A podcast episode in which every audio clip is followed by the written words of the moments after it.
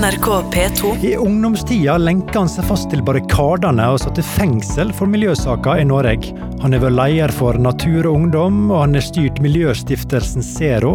Men i dag så er Einar Håndlykken direktør for eliteserielaget Odds ballklubb. Og etter ei lang og frustrerende ventetid er det nå endelig klart for seriestart. Dette er Drivkraft i NRK P2. Einar Håndlykken, velkommen til Drivkraft. I dag med meg, Ole Kristian Årdal, som programleder. Takk for det. Veldig hyggelig å være her. Hvordan går det? Nei, det er jo eh, Det drar seg til nå. Det, nærmer, det nærmer seg, så eh, akkurat nå har jeg litt eh, spenning i kroppen, da. Nå som, vi skal, nå som serien begynner. Kjenner du på nervene, eller? Jeg, kjenner veldig sterkt på nervene. Da. Altså, jeg er sånn som jeg jeg, nesten så jeg gruer meg mer til kamper enn jeg gleder meg til. Odds ballklubb møter Sandefjord i første runde. Hva er følelsen for den kampen? Det er jo en kamp vi skal vinne. Det er en kamp vi pleier å vinne. I hvert fall hjemme. Vi har ikke tapt mot Sandefjord på ja, det er veldig mange år. Uh, og så er det jo litt sånn uh, usikkerhet da, vet du, i disse tider. Hvor det har vært korona, og um, Åssen har det påvirka styrkeforholdene mellom laga?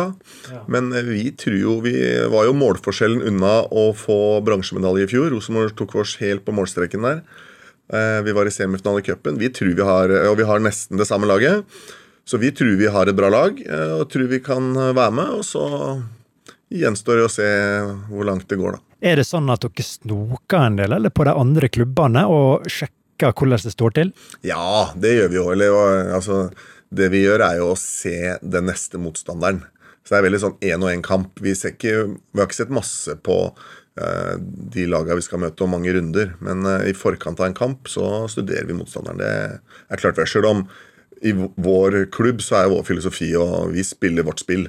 Og skal styre kampen nesten uansett hvem vi møter. Og spiller jo ganske likt, da, uavhengig av hvem vi møter. Selv om det vil selvfølgelig være litt forskjell på inngangen. Uh, på hjemme mot Sandefjord kontra borte mot uh, Rosenborg. Men hvordan blir det med koronaåpning, eller korona, som kanskje er den riktige måten å si det på? Nei, det blir jo veldig spesielt, det. Uh, det er klart at uh, vi skal spille kamper uten publikum, eller tilnærma uten publikum. Så det blir jo noe helt annet da, enn det som det pleier å være. Så vi har sett det fra Bundesliga at det har vært flere borteseirer. da. Uh, de har spilt uh, nå noen runder uten publikum. Så det har uh, sannsynligvis endra det der. Og så er det nok enda mer trøkk på tribunen her. Da, så man kan jo kanskje anta at hjemmebanefordelen er enda større i Bundesliga. Men det kan nok være at det påvirker det hele litt. Det, det tror jeg. Men du har lov til å være på tribunen, eller? Altså, det er sånn på håret, nesten. Da. Det er, I utgangspunktet så er det ikke åpenbart at verken jeg eller styrelederen kan være der. Uh, men uh, vi skal nok uh, Vi skal se på det helt inn mot kampstart. Det er veldig, veldig strenge regler. Ja. Men, men, vi det, det, det, ja, Og det er jo nesten til det parodiske, ikke sant. vi hadde Vi spilte treningskamp nå, og da var det Altså, det var så vidt vi kunne ha han ene assistenttreneren vår kunne ikke være på benken, for det var et maksantall på 50. Ja. Og det inkluderte dommere og spillere. så jeg kunne ikke være der. Og ja, nesten ingen kunne være der. Så det har vært ekstremt strengt. Og så håper vi at, det, at de fortsetter å slippe opp. Men om du får løv, så er du Og da heier du, eller?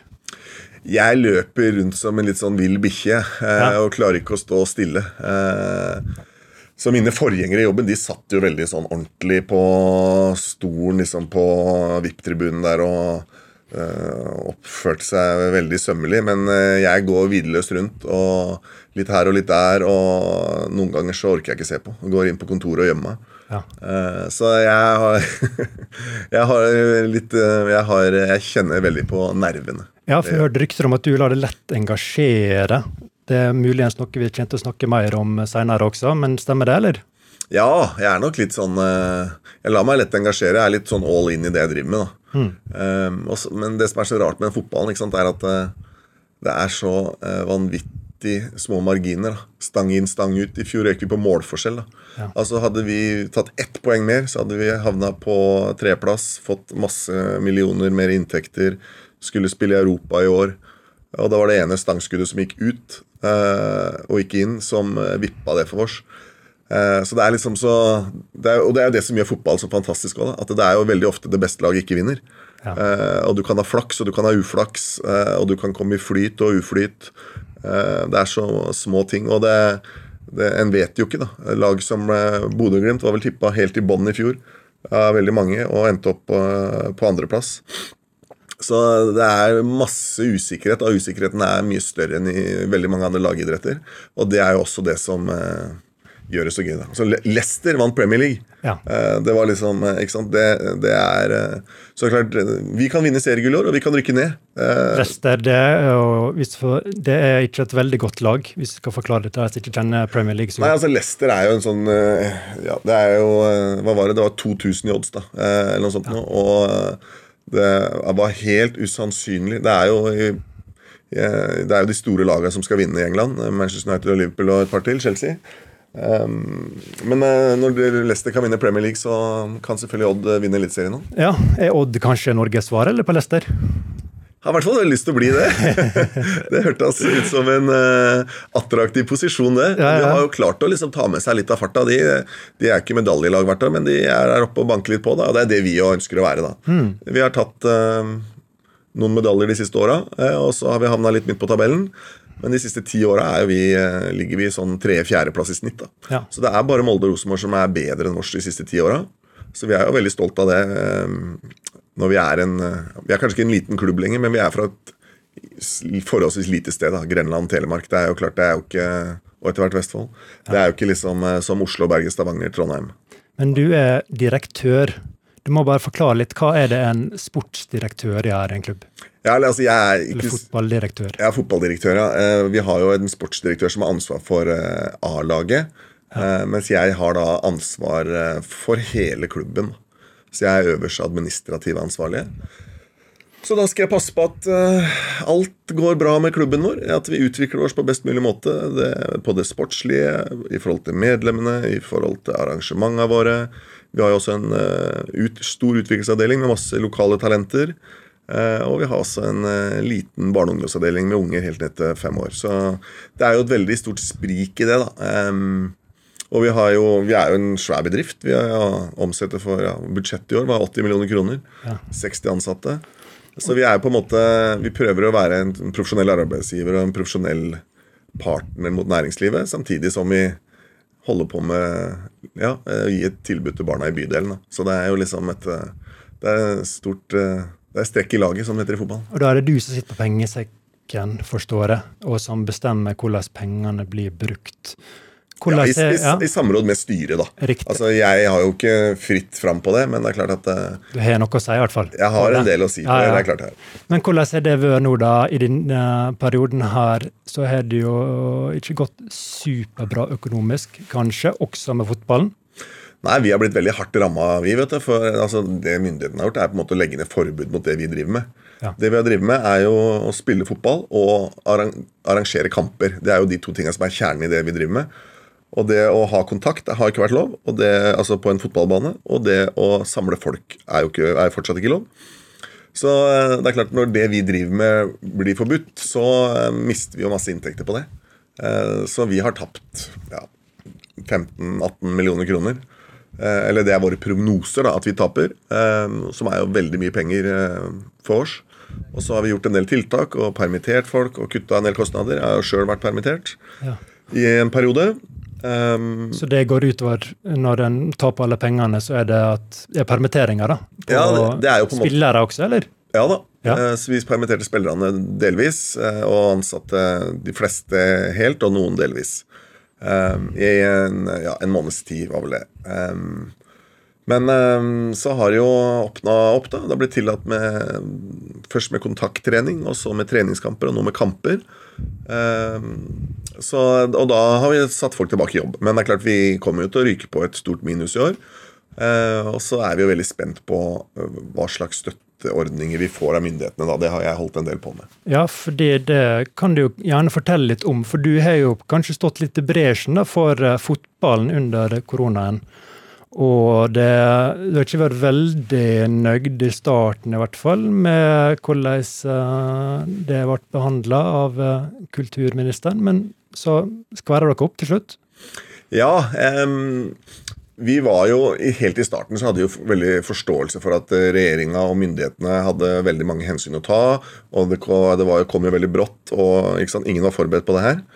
Eh, Så vi satt rolig ei stund, men så følte vi at det begynte å bli utarbeida støtteordninger da, for alle andre, men hvor vi eh, blei glemt. Så da prøvde vi, å, eller jeg og hele fotballen egentlig, da, å si fra om det. Og så blei jeg en periode der en litt sånn talsmann eh, på det. da, Og endte jo i, en, ja, i noen saker i VG og på Debatten her på NRK med Abid Raja. Um, og da, det jo, da satt vi litt i hver vår eh, skyttergrav og skjøt på hverandre. da. Um, men eh, det som er litt spesielt, er at jeg kjenner jo Abid uh, ganske godt, egentlig. Jeg har hatt litt kontakt med han i, i mange år. Så vi uh, da sendte, at vi sendte litt tekstmeldinger, og Og no hard feelings. no hard feelings, i hvert fall ble det det etter hvert. Hvorfor kjenner du liksom, Abid? eh, da? Kjenner du mange politikere, eller? Ja, jeg gjør jo det. Det var jo litt det jeg dreiv med eh, i Zero. da. Det er jo en organisasjon som jobber for å påvirke politikken eh, for eh, ja, miljøvennlige, utslippsfrie løsninger. Ja. Eh, Så jeg jobb, hvis vi kaller det lobbyist, da, så drev jeg mye med det i mange år. Så sånn, Da ble jeg kjent med veldig mye politikere. Er du lobbyist for fotball nå, da? Ja, på en måte så er jeg det nå. Ja. Sjøl om eh, jeg har vel Det er ikke jeg som Det er jo våre organisasjoner, da, altså Norges Fotballforbund og Norsk Toppfotball, som fører det her. Men jeg bidrar litt med mine kontakter og mine innspill inn i det, da. Ja. Um, Men ok, du, du sendte da melding til Abid eh, Raja, Mm. og hva var utfallet av den uh, utvekslinga? Utfallet, eh, i hvert fall det jeg føler vi fikk på plass, var i dialog eh, hvor han eh, begynte å eh, ordentlig Han vil sikkert ikke være enig i det, men jeg mener at han ordentlig begynte å sette seg inn i å skjønne åssen fotballen fungerer. Uh, og egentlig klubbene fungerer, da, for det her gjelder jo nesten i samme grad håndball og hockey og mange andre idretter. Ja, ja. Og både topp og bredde. Men hva det man ikke skjønte før, da? Nei, de hadde på en måte Det virka som de lagde en, en støttepakke som var mynta på sånne en, enkeltarrangementer. da. Den passa for Norway Cup, Ja. Birken, eh, Bislett Games kanskje. Sånne enkeltarrangementer som har masse billettinntekter på den ene arrangementet, og som mister de, og så fikk kompensert de. Men vi som driver klubb hele året, eh, vi, der var det nesten alle våre inntektskilder var ekskludert fra pakka. da. Eh, og den aller største, altså det som har blitt kalt sponsorinntekter, som er inntekter fra næringslivet, eh, den har jo blitt ekskludert, og kan jo kanskje være at den fortsatt blir det. Og det mener jo jeg da vitner om at da har han ikke skjønt hva som får hjula til å gå rundt, rundt i Klubb-Norge. Men han kom på trening, Ja, da. Ja, da, Det var liksom en del av den, fors spilte en del av selv denne også? forsoninga vi hadde. da At jeg inviterte den eh, ned til Skagerrak Arena. Eh, og det var jo i korona, så da hadde vi ikke kontakttrening heller. Så da eh, hadde vi en, et møte, selvfølgelig. da eh, Abid Raja jeg og han? Eh, Leif fra Norsk Toppfotball. Og så tok hun ut på banen for å lage litt show. da Så da var jo selvfølgelig hele Medie-Norge der. og Ja, ja. ja, Det ble litt oppmerksomhet rundt det. det var, så det var jo litt gøy. Og så tror jeg det var nyttig for den dialogen som du er avhengig av. da Men da han skårte mål, lot keeperen han skåre da? Eller var det Eller var, kunne han litt fotball? Nei, keeperen lot nok ikke skåre, men altså, han var jo aleine med keeper, da. Så det er jo liksom eh, Ja, det Du skal jo skåre da, i hvert fall en gang iblant. Så han var nok ikke noe stor fotballspiller. Han har ikke spilt mye fotball, tror jeg heller, men eh, han har litt ballfølelse. Abid, det skal han ha.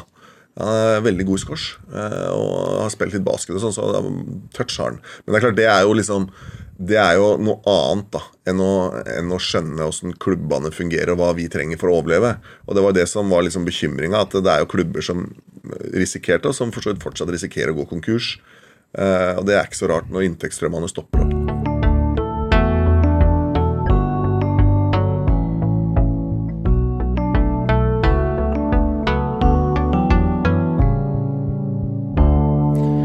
I dag er fotballdirektør og miljøverner Einar Håndlykken her hos oss i Drivkraft. Du har vokst opp i Skien, og er i en bydel med navn Gulset. Ja, det. uttales, nei, skrives Gulset. Uttales Gulset. Ja. Og det er jo, for den oppmerksomme lytter, så er jo det en serie også på, i, som ligger i NRK TV, som han har han komikeren han Jonis Josef, som også er vokst opp der. Det heter Kongen av Gulset. Ja. Det er en fantastisk serie. Ja, Han skildrer den bydelen som Skiens Holmlia, eller Bergens Loddefjord. Altså, kan legge det der. Jo, det det er ikke det beste ryktet, kanskje, da. Eh, litt, Noen vil kalle det belasta område. Eh, hvordan eh, kjenner du det igjen i det? Nei, det er jo riktig, det. Men det som er med Gulset, det er på en måte Det er jo alle mulige folk, da. Men det er klart at på Gulset bor de fattigste i Skien. og så bor det veldig mange andre vanlige og til og med rike mennesker der. Så, og det er jo litt sånn som kanskje er litt forskjell fra de største byene. da, At det er jo alle mulige folk og alle mulige lag av samfunnet bor jo ganske tett på hverandre. Eh, men eh, det er eh, høy innvandrerandel. Eh, det er blokker, eh, men det er også villaer, da. Du, bo- hvor du bodde Bodde du i blokk, eller bodde du i villa? Jeg bodde faktisk i alle tre. Jeg bodde først i blokk, så i Tre, ja. Altså, altså alle tre typene, da. Hvis Ja. Det er først i blokk, så i rekkehus, og så i villa. Så jeg gikk hele, Du steig i gradene, på en hele måte? løypa. Ja. Foreldrene mine var lærere, så de eh, Ja, okay. tjente vel litt mer etter hvert, da. Så da kunne Ja. vi rykke oppover. Men hvordan var det den reisa, da? På Gulset i løpet av oppveksten? Eh, ja, nei, jeg tenkte, hadde ikke noe veldig reflektert forhold til det da. For det- på skolen er det jo sammen med alle mulige folk.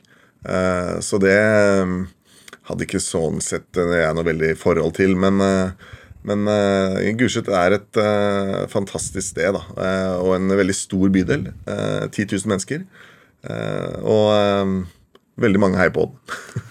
Veldig mange heier på Odd. Det er fortsatt litt uvant for meg, og, fordi det heter Odds ballklubb. sant? Stemmer det.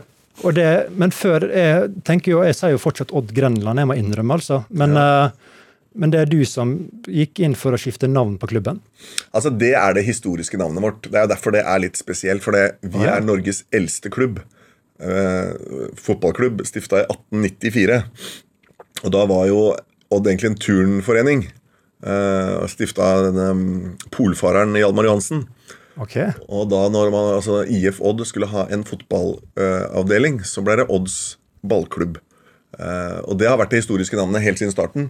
Og så eh, var det en satsing og et samarbeid med Porsche, som er da en, klubb, en av den, den største klubben i Porsgrunn, Ja. som, eh, på 90-tallet, som heter Odd og Porsche Grenland. Jeg kan skjønne Porsche, for det er kort for uh, Porsgrunn. Ja. Men Odd Nei, eh, Odd det kommer av eh, en norrøn helt som het Orvar Odd. Som var en sånn vikingfigur. Eh, og han hadde tre piler som han skøyt. Og de traff byttet og kom alle tre tilbake. Ehm, Så derfor har vi pila som symbol. ja, var, Og han, han bodde, er Odd. bodde han i Skien, da, eller? Nei, det tror jeg ikke. Han var mer en sånn nasjonal uh, uh, Sikkert noe sånn egentlig noe litterært, da. Uh, I noen myter. Ja, riktig. Det er sånn uh, viking... uh, Vikinghistorier. Jeg har sett noen bilder av han med i full vikingdrakt. da. Så det er jo Det er det som er, da. Både liksom navnet vårt og um, det hele er jo veldig gammelt. da. Um, men det er vi også veldig stolt av. da. Så nå hadde vi 125 års jubileum i fjor. Og vi gjorde en del ut av det. Ga ut et svært historieverk med, med veldig flinke folk eh, bak. For å liksom ordentlig grave oss ned i den historien. Når, eh, og det var jo, altså, Vi er den eldste klubben, så det var, liksom, måte, det var litt historien til fotballen i Norge også, da, eh, den boka. Vi må tilbake til barndommen og Gulset. Veldig mange heier på Odd, eller Odd Orvar Odd, da. Uh, og det gjorde du også. Hvordan kom, denne, kom dette fotballengasjementet? Eh, nei, du, når du vokser opp i Skien, så får du et forhold til Odd. I hvert fall hvis du er fotballinteressert som barn. Eh, mitt sånn første minne er eh, semifinalen eh, i NM i 1984. Hvor vi spilte mot Viking. Erik Torstvedt var keeper. Eh, og da var jo Odd en eh, ja, klubb langt ned i divisjonene, egentlig. Men hadde med jevne mellomrom sånne høydepunkt. da god i cupen. Det har vi alltid vært. Vi er jo det mestvinnende cuplaget for øvrig. Uh, Riktignok ble de fleste vunnet før krigen, men det bør vi ikke snakke så mye om. Du er flink til å få en litt sånn skryteanekdote av Odd, altså. Ja, det, det, det, for, det kommer det til å bli mye av. Hva slags Men, eh, krig var det du snakka om, forresten? Var det andre verdenskrig? Ja, det var Ja, for så vidt mange ble vunnet før første. år. Men da var jeg åtte år og var på den kampen. Eh, Den endte 1-1, ble omkamp som vi tapte. Men eh, da var mitt hjerte fortapt i Odd. Så fra jeg var åtte år, så har jeg vært Odd der. Og du har ikke vært medgangssupporter, da, så du begynte med et tap. Nei, jeg har ikke vært medgangssupporter. Det har ikke vært liksom noe veldig grunnlag for å være medgangssupporter med Odd, kanskje med bortsett fra de siste åra som vi har hatt eh, litt suksess. Men du spilte fotball sjøl. Var drømmen å spille for Odd, eller? Mm. Ja. Jeg spilte fotball sjøl. Jeg mener sjøl jeg var et kjempestort talent. eh, og det var bare et spørsmål om jeg skulle til Altså, jeg skulle til Odd, og så var det spørsmål hvilken liga kom jeg til etter det. Ble det England eller Italia? ja. Hvordan vil du skildre deg sjøl som fotballspiller? Nei, Jeg var selvfølgelig sentral midtbanespiller. da, Offensiv. Um, god pasningsfot, ehm, men det var nok det. Uh, I midtbanespillet må være god kondis også. Ja, det hadde jeg ikke. Liten radius. ehm, Ikke noe rask. eh, Så det, jeg, jeg tror nok at eh, jeg hadde et litt større sjølbilde enn det jeg fortjente. Eh, Så det blei aldri noe fotballspiller av meg. Og med en gang jeg fikk litt motgang, da, så slutta jeg. Hva stil kjørte du? Var det skjorta i shortsen eller utapå? Nei, Det er et godt spørsmål. Det husker jeg ikke, men det var vel ganske sånne korte shorts i hvert fall på den tida. Det Ja, har jeg sett noen bilder av. Mhm. Ja. Jeg har sett bilder, ja. For du husker ikke sjøl? Fortrengt det, eller? Ja, nei, Det har jeg fortrengt, men det finnes jo noen bilder fra Norway Cup og noe sånt. Så, Riktig. ja. Men du spilte fotball til ungdommen, men du slutta på et eller annet tidspunkt, siden du ikke spiller for Odd i dag. Mm. Jeg gjorde det. Ehm, Det kom et punkt der da, hvor jeg hadde litt motgang. Og så blir du jo litt eldre, og verden åpner seg, og du skjønner at eh, fotballen og Gulset er ikke alt. Så da eh, kom det jo et eh, miljøengasjement snikende, da. Ja. Eh, og da er jeg jo litt sånn, da. At da blir det litt sånn all in. Hvordan kom det snikende, det engasjementet? Nei, det kom jeg var vel noen litt nye venner jeg fikk på ungdomsskolen. Eh, og så starta, var det starta en gruppe Nei til atomvåpen Ja. på Gulset ungdomsskole. Eh, og så blei jeg med litt der. Eh, og så eh, blei jeg dratt med inn i Natur og Ungdom i Grenland, da. Interessant denne Nei til atomvåpenorganisasjonen. For det føler jeg sånn, det må være en av de letteste organisasjonene å samle medlemmer til. Men den er ikke så sterk nå lenger, eller det er ikke sånn like aktuell, kanskje? Nei, det var vel mer et sånt tema fra egentlig 80-tallet. Ja. Eh, Og det her var vel tidlig 90-tall, så altså hele det greiene, eller saken var litt på vei ned. Men det var liksom, det var et organisert miljø rundt det som jeg havna inn i, og så tilfeldig, for så vidt. Og så eh, var jo det noen som var med der, som også var med Natur og Ungdom, og så ble jeg med på et par Natur og Ungdom-møter, og så balla det på seg. ja, det balla på seg, og du steig jo i gradene også i Natur og Ungdom. Du ble både nestleder og leder også til slutt. Mm. Og for uh, når vi gjorde eh, researchpraten til intervjuet her, så måtte du ringe politiet og spørre om de hadde noe kjennskap til det. Og det Ja. hadde de jo uh, virkelig. Du har jo sittet inne også, til og med. Ja da, Ja, det har jeg. Det må du fortelle om. Nei, det mm, var jo sånn da at Natur og Ungdom på 90-tallet, det var jo mye aksjoner. da. Og det, jeg var med på noen sånne. Vi blokkerte noen veiutbygginger, blant annet. Jeg var med på en oppe i Trøndelag og en i Vestfold. Um, Du må, må forklare hvordan en går fram når en skal det er jeg nysgjerrig på, når en skal blokkere og, og lenke seg fast til ting. Er det sånn, eh, Kjøper du lenker, da, eller hvordan måte går det i den prosessen? Det er jo ulike måter å gjøre det på. Det vanligste eh, var jo bare å sette seg foran anleggsmaskinene, så de ikke får kjørt. Eh, og da må politiet komme og bære deg vekk. Det er jo veldig viktig å si at det var ikke-voldelige ting. Ja. Veldig rolig og sindig opplegg. Eh, ikke noe sånn eh, Texas-greier. Um, Sivil ulydighet. Um, men først, de, i de fleste sammenhenger så er det jo snakk om å sette seg på eller ved anleggsmaskinene. Og så har det vært noen aksjoner hvor de har brukt kjetting òg, for å gjøre det ytterligere vanskelig for politiet å fjerne det. da. Jeg har vel, jeg er ikke sikker, jeg tror ikke jeg har vært med på noen sånn kjettinggreier. Um, så det var først og fremst det å sette seg i veien. da. Uh, Og så ble du båret bort, og så da får du en bot. Uh, og så lot jeg være å betale den bota. Ja. Uh, og da er jo det som heter subsidiær straff, da er fengsel, så da soner du uh, de bøtene da på samme måte som noen soner eh, andre altså om det er å fartsovertredelse eller fyllekjøring eller hva det er. ja. Men da var, var du blant de mest radikale, eller de som, for du nekta å betale den bota? Det var ikke snakk om? Ja, det, jeg var jo blant de som ikke gjorde det, ja. Eh, det kan du godt si var blant de mest radikale.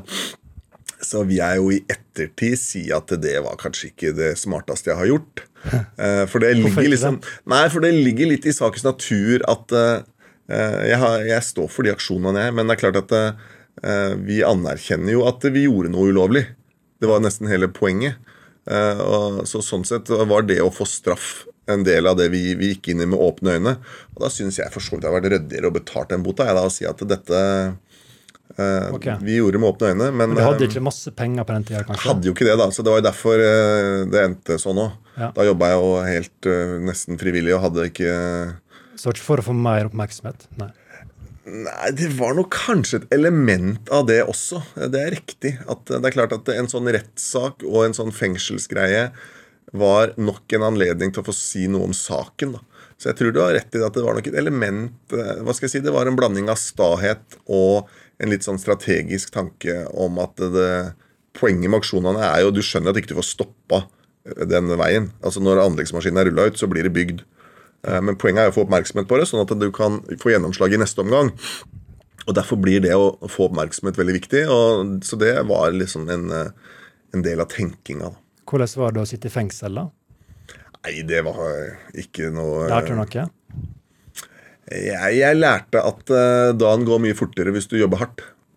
Ja. Eh, hvis du liksom tar det litt Det er jo pallesnekring og sånne ting. da Ja, ja. Og det å sitte og være litt slapp, det, da går tida sakte. Men hvis du prøver å være rask og flink og konkurrere litt med de andre om å være rask, så flyr tida. ja. Så det var en lærdom. Og så er Du det var mye så flinkest, du, i fengselet. Nei, men det var faktisk nesten motsatt. Jeg lærte det av de andre. Eh, Etter hvert. Jeg starta ikke som det.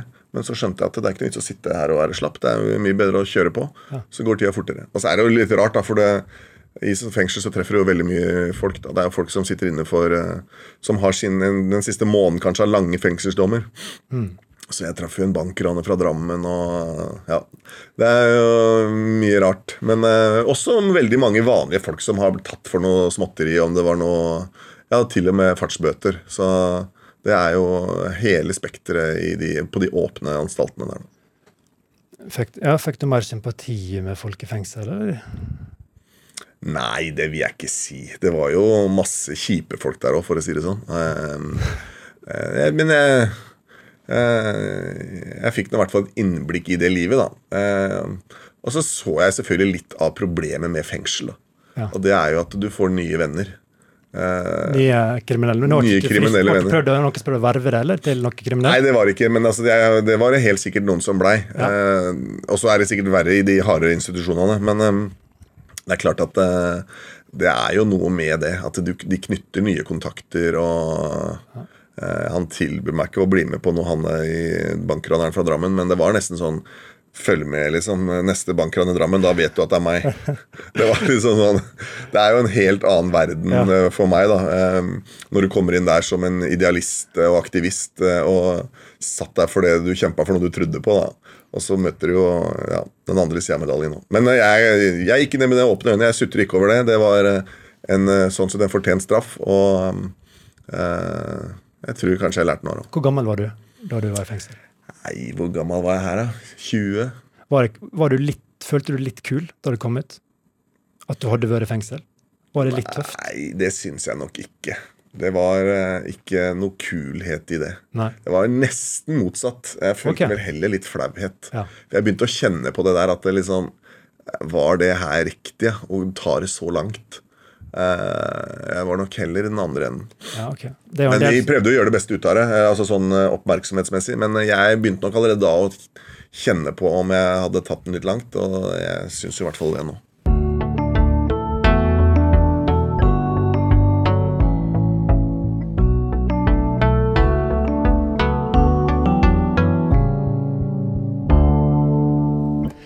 og i dag er fotballdirektør Einar Håndlykken her hos meg i Drivkraft. I tillegg så er det jo miljøverner som vi snakker om nå. Um, du kom ut av eh, fengsel men, og fortsatte ganske lenge det miljøengasjementet. Men på et eller annet tidspunkt så slutta du i Natur og Ungdom. Ja, du blir jo ryker på aldersgrensa der, så når du er eh, 25, så er det ferdig. Oh, ja. Um, så da um, skulle jeg ha siviltjeneste. Så da uh, hadde jeg det hos Bellona. Og så var vi en gruppe i Bellona som ikke var fornøyd med alle tinga der, som eh, valgte å starte en ny eh, miljøorganisasjon. Zero. Zero. Zero. Jeg, om jeg har forstått det riktig, så er et slags slagord i Zero at, den- at den skal være mer for det vi er for, enn mot det vi er mot. Mm. Og det virker som du har vært mot en del ting, i hvert fall i din ungdomstid. da. Ja. Ble du lei av å være mot, eller? Ja, det var nok kanskje et element av det. At eh, vi var lei av å protestere. Nå vil vi være tydeligere på hva som er løsninga. Det er jo liksom eh, to sider av det greiene her. ikke sant? Du må si hva du ikke vil ha, så må du si hva du vil ha. Og jeg hadde brukt veldig mange år på å si hva vi ikke vil ha. Og, da, og det er jo litt sånn Det, det utfordrer litt på en annen måte. da. Det er veldig lett å peke på hva som er problemet, men hva er løsninga? Ja. Så det var liksom ideen. Eh, og så var det også et element av at eh, når vi skulle starte en ny miljøorganisasjon, så var det jo ikke noe vits i, eller det var heller for så vidt ikke marked, da, eh, i anførselstegn, for en organisasjon som var helt lik alle andre. Nei. Så vi måtte finne noe nytt som ingen andre gjorde. Og da var det én greie, det at vi skulle jobbe for det vi var for, og ikke mot det vi var mot. Og så, vi, og så var vi veldig tydelige på teknologi og eh, utslippsfrie løsninger. da. Vi ville ikke jobbe for liksom sånn nest beste ting. Vi ville løse problemet en gang for alle. for å si det sånn. Hvordan var stemninga i resten av eh, miljørørsla? Den var anspent med, i forhold til Bellona, siden var, vi, liksom, vi slutta litt sånn eh, i protest på et vis der. Ja. Uh, men ellers hadde vi et veldig godt forhold til de andre, sjøl om det var jo Det jo Vi hadde ulike innganger, da, så det hendte jo vi var uenige med Naturvernforbundet eller andre miljøorganisasjoner om eh, ulike miljøspørsmål. Vi var jo veldig tydelige for vindkraft, f.eks. Ikke sant? Eh, og veldig tydelige for elbil og mange sånne teknologier. da, CO2-rensing av gasskraftverk. Og det var jo ting som mange andre miljøorganisasjoner hadde et litt mer sånn, hva skal jeg si, ambivalent forhold til. da. Er det mye uenighet i de forskjellige organisasjonene om hvordan en skal løse ting? Ja, også det er i hvert fall ulik vektlegging. da. Naturvernforbundet er jo eh, tradisjonelt sett ikke sant, mest opptatt av naturen. da. Ja. Eh, mens i Zero så sa vi at det vi er mest opptatt av, er klima. Vi må få ned klimautslippene. Og da innebærer det kanskje til og med at vi er nødt til å eh, ofre noe natur, da, for å si det litt brutalt. Eh, så det var eh, Det er nok mer vektlegging av hva man er opptatt av, da. Og så, ja, som vi har vært inne på, noen er, fokuserer mer på problemene, vi fokuserte mer på løsningene. Noen er jo mer sånn, kanskje sånn livsstilsorientert. da. Framtiden våre hender har jo tradisjonelt vært veldig opptatt av at vi skal endre livsstil, eh, og vi må få ned forbruket. Mens vi sa mer at det, det hjelper ikke å få ned forbruket, vi må bytte, vi må ha et teknologiskifte. Hvor vi eh, kommer over på helt utslippsfri teknologi. Det holder ikke at alle kjører litt mindre bil hvis bilen forurenser. Vi må få en bil som ikke forurenser. ja. Det er jo litt sånn, fordi dette er jo Vi er ti år, kanskje litt mer tilbake i tid. Uh, litt, måte, det var litt før den store på en måte, engasjementet kom. Hvis du ser det i dag, da, så er det jo knapt en dag jeg tror nesten det er ikke en eneste dag at vi ikke kan lese en miljø- eller klimasak Mm. i nettavisene, og det er mye demonstrasjoner og alt mulig. Hva tenker du om det store engasjementet i dag? Nei, jeg tenker at det er veldig bra at det kom. Eh, og så tenker jeg faktisk at eh, eh, debatten har endra seg veldig mye. da, Og nå foregår den i ganske mye større grad på den banehalvdelen vi dro den opp, enn hva den gjorde. Så jeg føler vi har klart, jeg følte jeg var med å påvirke liksom, utviklinga i eh, Nei, altså det er, Nå er eh, ja, elbil, vindkraft, CO2-rensing eh, Det der er en mye større del av debatten. da. Eh, Så det er jeg for så vidt, og jeg syns Zero gjør en utmerket jobb i å fremme de sakene fortsatt, uten eh, min eh, påvirkning. Eh, Så, men eh, det er ikke tvil om det, at det er mye høyere på agendaen. Vindkraft har jo fått kjørt seg litt i det siste. Det har det. Ja.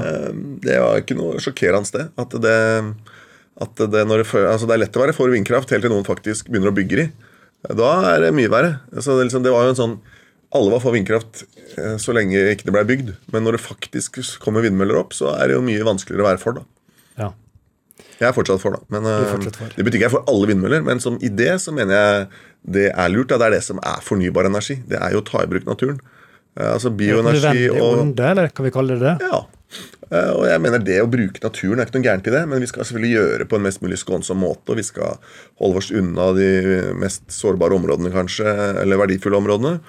Men eh, hvis vi skal vekk fra fossil energi eh, og, ta, og erstatte det med fornybar energi, så vil jo det ha konsekvenser for eh, Altså Da må vi produsere energi i naturen rundt oss i istedenfor å pumpe den opp fra bakken.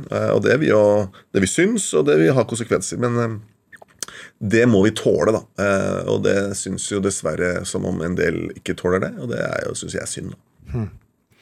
Men i dag er du fotballdirektør. Du har vært Hvor lenge var du engasjert i miljøbevegelsen? Fra jeg var 15 eh, til jeg var eh, 35 eller noe, kanskje. Hvordan går en fra 20 år i miljørørsla til å bli fotballdirektør?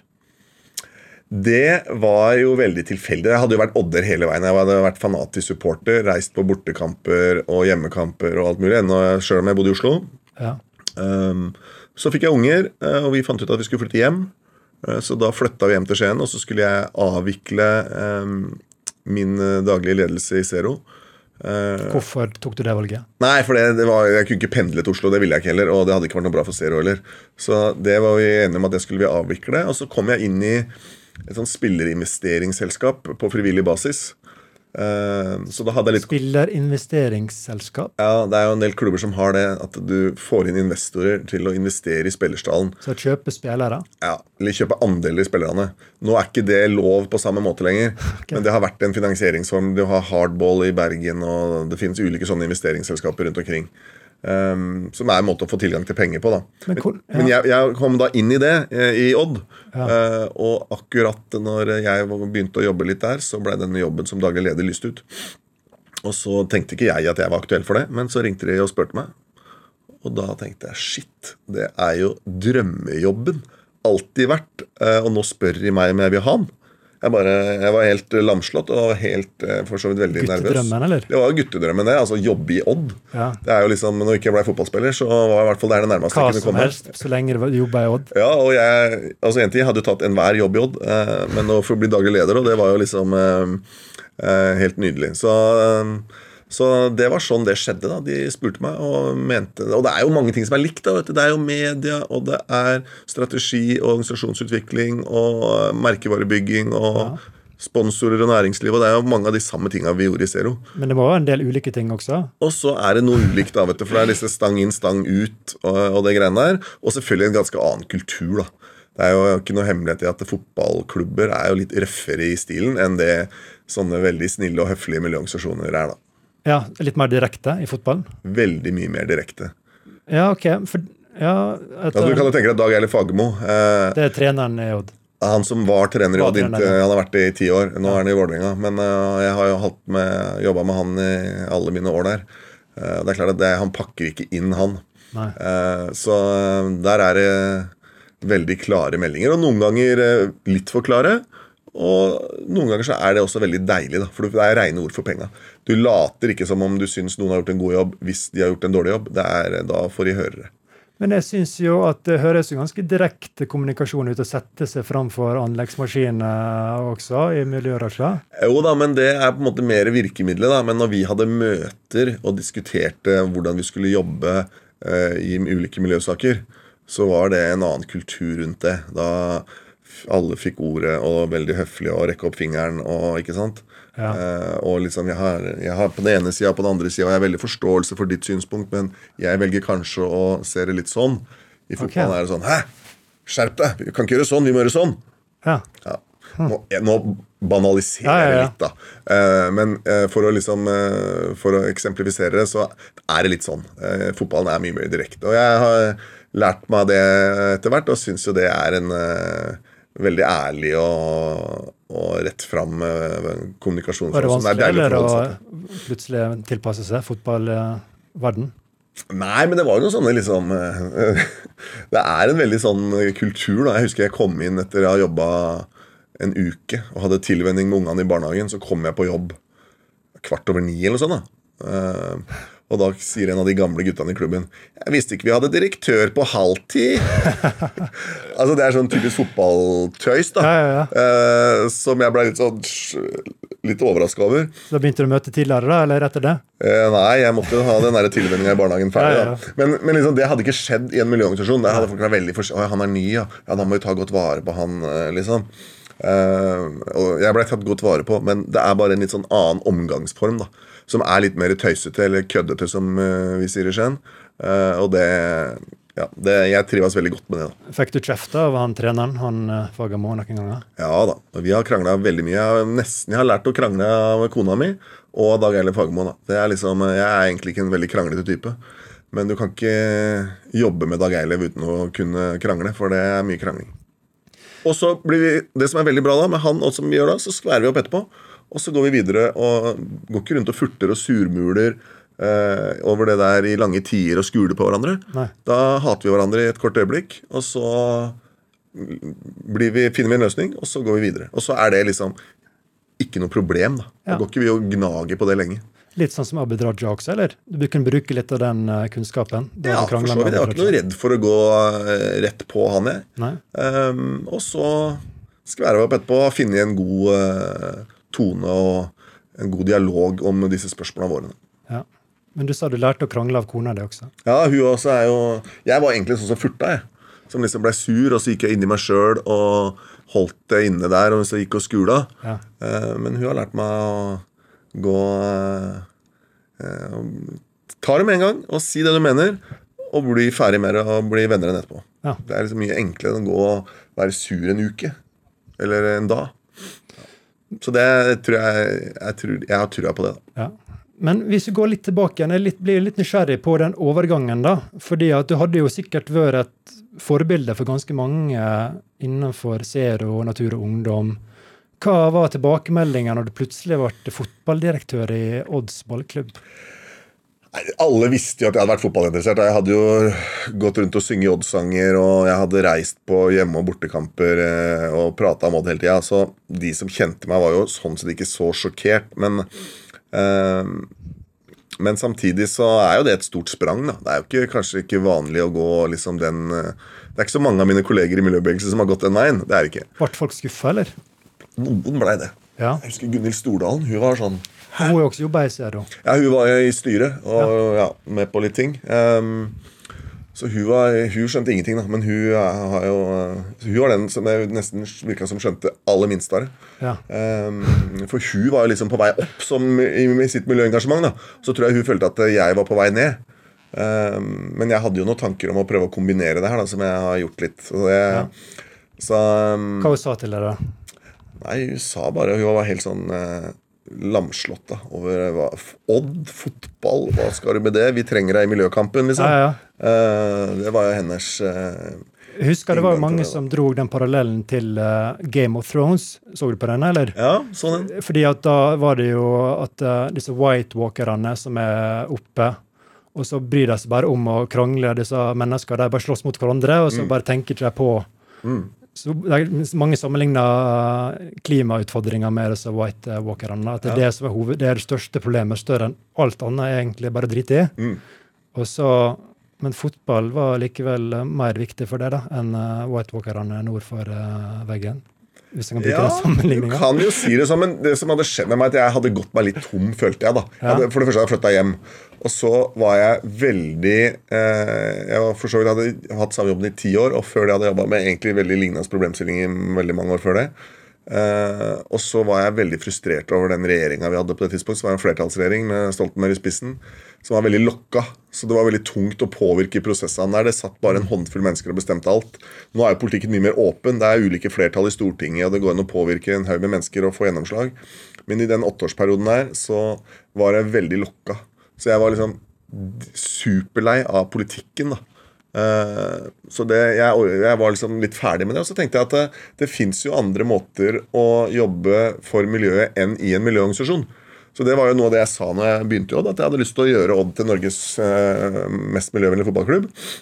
Ja, og det gjorde du, eller? Og det gjorde jeg, og det fikk jeg lov til. Og så Hvordan gjorde du det? Nei, det var jo det som var litt eh, artig, da. At det var jo kjempelett, da. Det var veldig liten konkurranse. Så jeg pleier å si det at vi ble Norges mest miljøvennlige klubb i løpet av et kvarter. Eh, og det var, så det var jo Men eh, vi har gjort masse forskjellig, da. Vi har jo bygd et av Norges største solcellepaneler.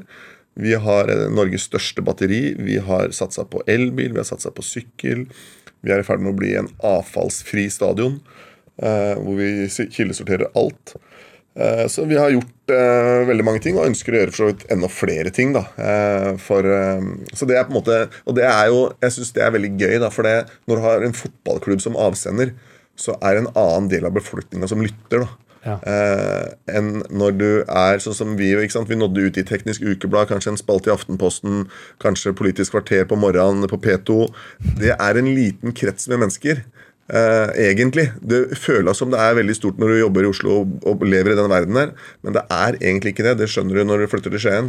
Det er ganske mange som bare leser de rosa sine i VG. Jeg hører ikke på P2 i Skien. De, ja, jo, de gjør nok det, men det er en, Noen gjør det, men det er jo ikke så mange. Nei. Eh, og det å nå ut mye breiere, da. Altså, vi har to sider i lokalavisene hver dag. Eh, og vi har kommet ut med et miljøbudskap på en annen måte, da, som kanskje har gjort det litt mer sexy og litt mer attraktivt, enn at det er den der samme menigheten som står og sier de samme tinga år ut og år inn. da. Når det kommer fra en fotballklubb og fra noen fotballspillere da, som mange ser opp til, eh, og som er interessert i hva mener, så får du en annen type påvirkning. da. Du når ut på en annen måte, og du når andre grupper i samfunnet. Jeg tror jeg la oss en plass at en fikk billigere billett om man sykla til kamp. Ja, stemmer det. Hvordan sjekker dere det egentlig? Nei, Vi hadde en kampanje på det eh, for noen år tilbake. eh, Hvor du rett og slett eh, Vi sto ved sykkelparkeringsanleggene og delte ut gratisbilletter til de som sykla. Ja. Så eh, det var et stunt det en periode. eh, Men eh, vi, vi hadde faktisk, det var litt artig, det, for vi gjorde en undersøkelse med Transportøkonomisk institutt som viste at vi faktisk klarte å påvirke reisevanene til publikum som dro på kamp. da. Og det er jo tung materie egentlig å endre reisevaner. Så mm, vi, hadde, vi fikk det til, og det var jo et forsøk, da. Og så er det jo mange andre ting som påvirker sånne ting. Men vi prøver å bidra med det vi kan, da. Og så er ikke det all verden, det, men det er litt. Har no- de andre klubbene latt seg inspirere, eller? Hvordan syns du det er resten av Fotball-Norge? Det har vært helt stille. Vi gjorde jo, begynte med det her i 2013, og det har vært helt Ingen klubber har gjort noe fram til nå. Men nå begynner det å røre seg litt. Ja. Bodø-Glimt gjør litt. Lillestrøm gjør bitte litt. Eh, Hva som ligger der, da? nei, Lillestrøm har begynt med noe kildesortering, tror jeg. Okay. Bodø-Glimt har gjort et litt sånn breiere bærekraftsarbeid, som er interessant. Eh, men ellers så er det jo veldig lite, da. Eh, Men det som, det som jeg tror kan inspirere noen av disse klubbene, er jo at eh, det, sånn vi har tenkt, er at vi ønsker å gjøre kommersielt. da. Ja. Hvis vi gjør miljøtiltak som går på bekostning av eh, fotballsatsinga vår Hvis det er sånn vi kan ikke kjøpe ny spiss fordi eh, håndlyktene har brukt opp pengene på miljøtiltak, så går ikke det. Da blir jeg skutt, og den strategien varer veldig kort. da. Så det, det har vært veldig viktig hele tiden. Her skal vi gjøre fordi det er bra for miljøet, men vi skal også tjene noe penger på det. Men det skal være et plussprosjekt. Driver dere lobbyisme i de andre fotballarenaene, eller prøver å få det til å bli mer miljøvennlige? Har ikke gjort så mye av det. Eh, Jeg har egentlig vært eh, litt fornøyd med at vi har vært i front. da. Ja. Eh, Men jeg syns det er veldig bra at noen flere kommer etter nå. Jeg tror for så vidt det er liksom den beste måten å få fotballklubber til å ta tak i det der, er å se at det kan gjøres attraktivt og lønnsomt. da. Hvis du eh, bare gjør en haug med tiltak for å være grei med miljøet, for å si det sånn, så varer det ikke så lenge. Men hvis du klarer å gjøre det på en måte som er kommersiell, da. Eh, Tjene penger på det. tjener penger på det. Vi, når vi bygger solcelleanlegg, så gjør vi det sammen med ABB og med Skagerrak Energi. Eh, når vi eh, har kildesortering på stadion, så gjør vi det sammen med Rangsells. Eh, den type tenkning da, eh, er liksom nøkkelen. Å klare å gjøre det sammen med næringslivet, sånn at det blir attraktivt for de òg. Og da får vi større sponsoravtaler og lengre sponsoravtaler, samtidig som vi eh, synliggjør og bidrar på miljøområdet. Fordi fotballen den er jo kanskje kjent for å være litt i hvert fall Hvis en går på de skikkelig store toppklubbene, så er jo det sponsa av oljepenger, det aller meste. Mm. Er det litt sånn Trenger en å få litt bedre rykte, eller miljørykte, for fotball? Altså Fotballen er jo en kynisk bransje. da. Ja. Det er det. Um, og Hvordan er den kynisk? Nei, det er jo kjøp og salg, og det er, du er jo kjøp og salg av mennesker, og det er jo pengene som styrer. Det er så mye veldig mange andre, på veldig mange andre områder, for så vidt. da. Eh, Men eh, alle trenger jo et bedre omdømme. Eh, Og det gjør fotballen òg, det. Og vår klubb, vi har jobba mye med det, men det kan alltid bli bedre. Så, og det er bra. Det gir oss publikum på kampene, og det gir oss flere flater å kommunisere med næringslivet på. da. Eh, Istedenfor bare disse tradisjonelle sponsorata, så åpner det for andre muligheter. Som, og Derfor har vi tjent penger på miljøsatsinga fra dag én. Og det er grunnen til at den fortsatt lever i beste velgående, og vi satser mer på det enn noensinne.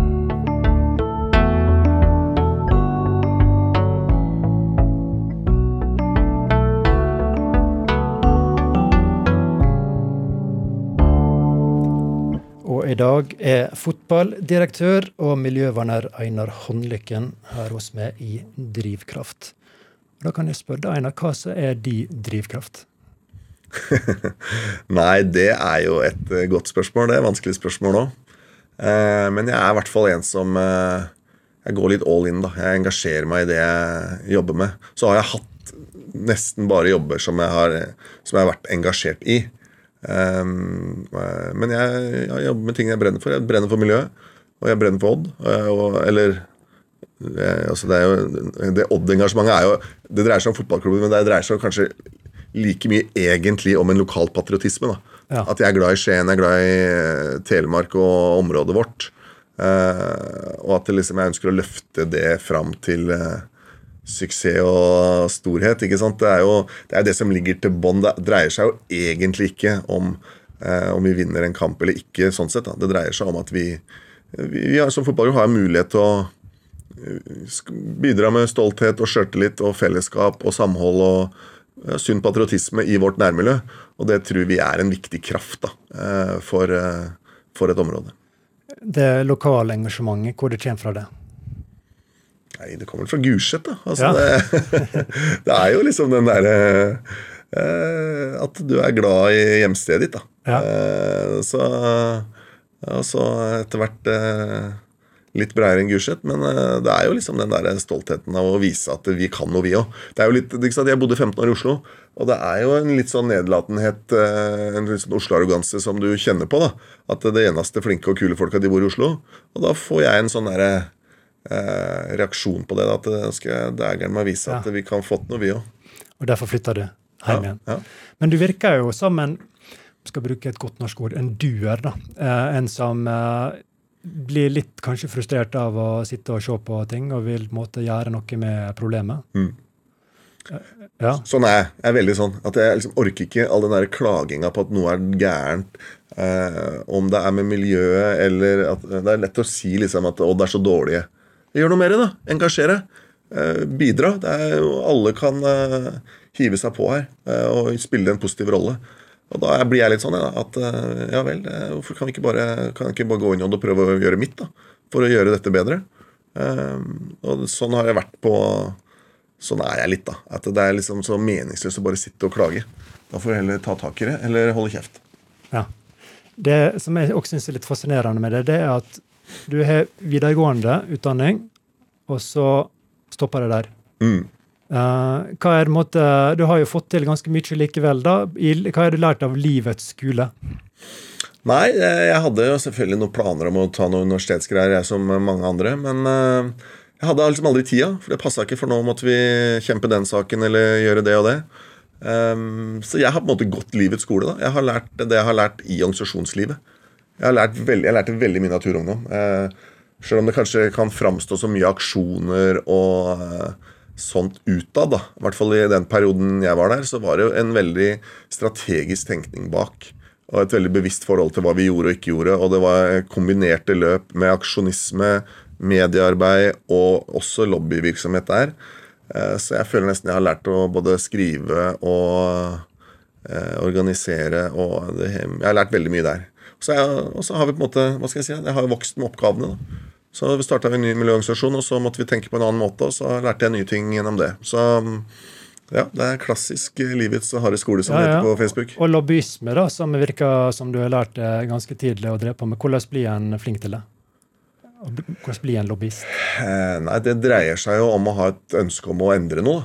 Eh, og så dreier det seg om å ha noen tydelige mål. Eh, og så må du sette deg inn i skoa til den du prøver å påvirke. Hva er det den er opptatt av? Hvilke argumenter biter der? Det er jo ikke sant, selvfølgelig stor forskjell på hva du sier til Frp eller SV. Eh, men eh, det kan jo være det, det samme opplegget du skal prøve å få til, men du pakker inn på en annen måte. Fordi de er opptatt av det, og de vil se på problemstillinga fra en annen vinkel. Så du må jeg tror det er nøkkelen å prøve å skjønne det. da. Og så er det noen sånne knep. ikke sant? Du må snakke med folk direkte, men så er du også avhengig av å skape et engasjement rundt en sak. Da. Lobbyisme funker forholdsvis sjelden helt liksom, sånn som folk tror at noen prater sammen. Du er nødt til å bruke media og skape oppmerksomhet og egentlig skape en slags motivasjon da, til å endre. Og er det noe som jeg har lært, eh, så er det i hvert fall at politikerne er vanvittig opptatt av media. Så Det første de gjør når de våkner om morgenen, er å lese i, er å lese mediene. Og det siste de gjør før de legger seg.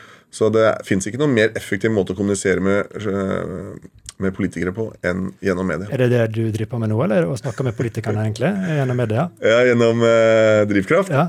Nei, det føler jeg vel ikke. Men, um, men det er klart at disse Når vi øh, skjønte at vi måtte ta tak i idrettspakka, så var det ikke sånn at vi bare gikk rett, rett til Abid. Vi gikk til media også. Ja. og Det var en bevisst tanke bak det. At Hvis ikke så blir vi glemt. Hvis ikke, Det som ikke er i mediene, det fins på en måte ikke. Det er, hvis ikke det er et, en omtale og en oppmerksomhet rundt en sak, så er det heller ingen som prøver å løse problemet. Ok, Helt til slutt, Einar. Vi vi må snart runde av. Men jeg blir jo nysgjerrig. Nå har du på en måte, du har runda miljøbevegelsen, og du er godt inne i fotball og påvirker den. Hva blir neste? Nei, altså jeg starta med fotball fra jeg var 0 til 5, eller 8 til 15, og så var det miljø, og nå er jeg tilbake i fotballen. Så jeg vel tilbake til miljøet. Tilbake til miljøet. Ja. så annethvert annenhver tiår.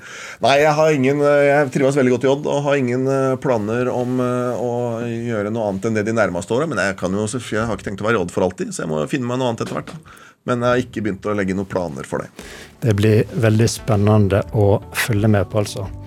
Einar Åndlykken, tusen takk for at du kunne komme til oss her i Drivkraft. Veldig hyggelig å ha deg her. Veldig hyggelig å være her. Så skal jeg bare si til slutt at eh, Kjartan Aarsand han var dagens produsent. Mari Bø Trosterud hun bidro også sterkt til denne sendinga.